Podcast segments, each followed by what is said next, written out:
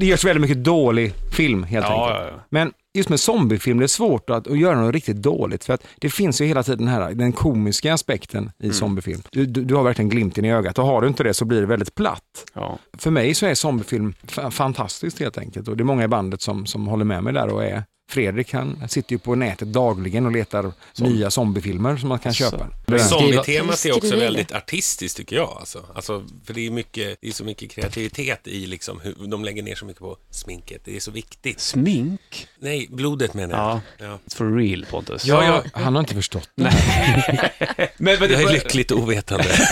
Nej, men sen para, lite paralleller och sådär. Jag menar, vi går ju eh, inte upp på scenen och är gravallvarliga heller i, i, i sin klädsel och sådär. Att, gi- givetvis alla attribut är viktiga, men det gäller hela tiden att ha den lilla glimten i ögat i, i det du gör då. ja, definitivt. Men du, du berättade lite grann här Jocke, bara lite snabbt om, om att vet du, det, finns en del låtar som återkopplar till Glory to the Brave. Ja, vi, eh, det är ganska lustigt. Det, det finns två historier här. Den, den ena var när vi skulle göra färdigt låten Hammerfall, som är lång i sig då, på, på första plattan. Då fanns det vissa delar där på som inte kändes riktigt hundra att de, att de var kvar. Ja. Så vi klippte rent den låten lite grann och så la vi det åt sidan. Det var ganska många partier då, ett långt sjok. Och det sjoket, eh, mm, som ett fint vin, så hamnade i en liten eh, fuktig källare Oj, och mognade och Ja. blev klart förra året. right. Och då blev låten immortalized, alltså det som var kvar utav Glory to the Brave. Så det är en väldigt tydlig koppling där. Plus låten Dia de los Muertos, Som är din favorit. som är ett, ja, jag tycker den är faktiskt en fantastisk låt. Eh, och Dia de los Muertos betyder vi ju som alla vet Day of the Dead. Yes.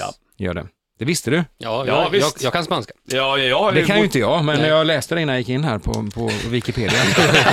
Gjorde jag. Läste på. Nej, jag, det, jag, vet, jag vet mycket väl att det betyder så. det var så här att Oscar hade dammat av gamla portakassetter Mm. och så dök det här riffet upp och ett refrängparti då på, på en gura. Så han började spela, jävla krångligt att spela tyckte han och så började han jobba på det. Fredrik kom hem till honom och han sa, lyssna på det här! Och han sätter igång. Och Fredrik står bara och stirrar på honom. Nu ser inte ni hur jag stirrar, men jag stirrar utan att blinka. Ja. Rätt in i Martins ögon. Och Oskar slutar spela och Fredrik säger ingenting. Så Oskar, fan, tycker han inte om det här? Vad är det för fel? Det där har jag skrivit.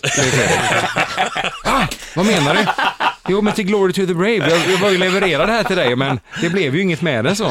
Fast nu, nu, nu, nu blev det.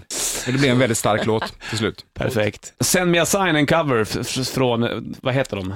Pockelgepp, Ett ungerskt band. ett ungerskt band, ja. Ungerns största, kanske enda, nej det finns fler metalband i Ungern, men ett fantastiskt bra band som har varit med uh, sedan början på, kan det vara, när låten kom 90, gjorde All den, right. så den är 20 år gammal då. Och det känns som att vi, vi är ett sånt band som alltid har lyft fram de obskyra banden, de som inte är riktigt med i etern till vardags. Mm. Och det har vi gjort sedan dag ett egentligen, band som Warlord, Stormwitch, vi har kört Riot Mm. och så vidare då. Eh, och Stormwitch vet jag, de fick en jätterevival efter vi gjorde den här Ravenlord. Det kommer det bli så nu också då med, vet du det? Med Pockelgepp. Ja.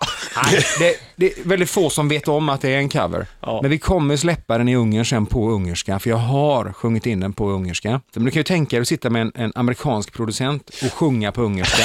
Och han ska försöka få dig att göra något vettigt. Men jag har aldrig sett en sån uppgiven man i hela mitt liv. För han satt där bara och så släppte han papperna. Kör på. Och du kan Ja. inte ens ungerska kanske vi ska tillägga. Nej. Du får berätta hur du gjorde. Nej, jag satt och lyssnade helt enkelt på hur, hur det lät. Det var ett ord som var egmashra. Det är fan. Så läste jag den ungerska skriften och det, det stod det inte alls det han sa.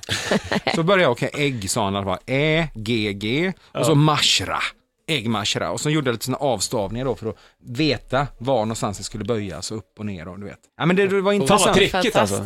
Och nu ska vi ner till Ungern i början av juni på en stor festival som specialinbjudna. Jag och Oskar åker ner. Och då ska vi göra den här låten med Pockelgep. Nej. Som en sån här unik grej då. Så då sitter jag och håller på att snickra ihop en duett där han ska sjunga på ungerska, jag på engelska och sen ska vi mötas någonstans på ungerska då i refrängen är tanken. Fan vad roligt. Och det här är en låt som när man kör den i Ungern, då tar publiken över. Jag har Det är hört- så, det är liksom- Gå in på, på YouTube, kolla in Pockelgep, Håll van Asso heter låten på originalspråk då. Som betyder send me a sign. Nej, det är Var är ordet? Jaha. Jag all fick den, jag, hade en, jag har en kompis som är från Ungern och han hjälpte mig med översättningarna. Men det de kände för den här låten när de skrev den då, det kände inte jag. Aha. Jag hade en helt annan känsla. Right. För mig var det här som en fortsättning på Glory to the Brave lite grann. Så den har lite samma tema.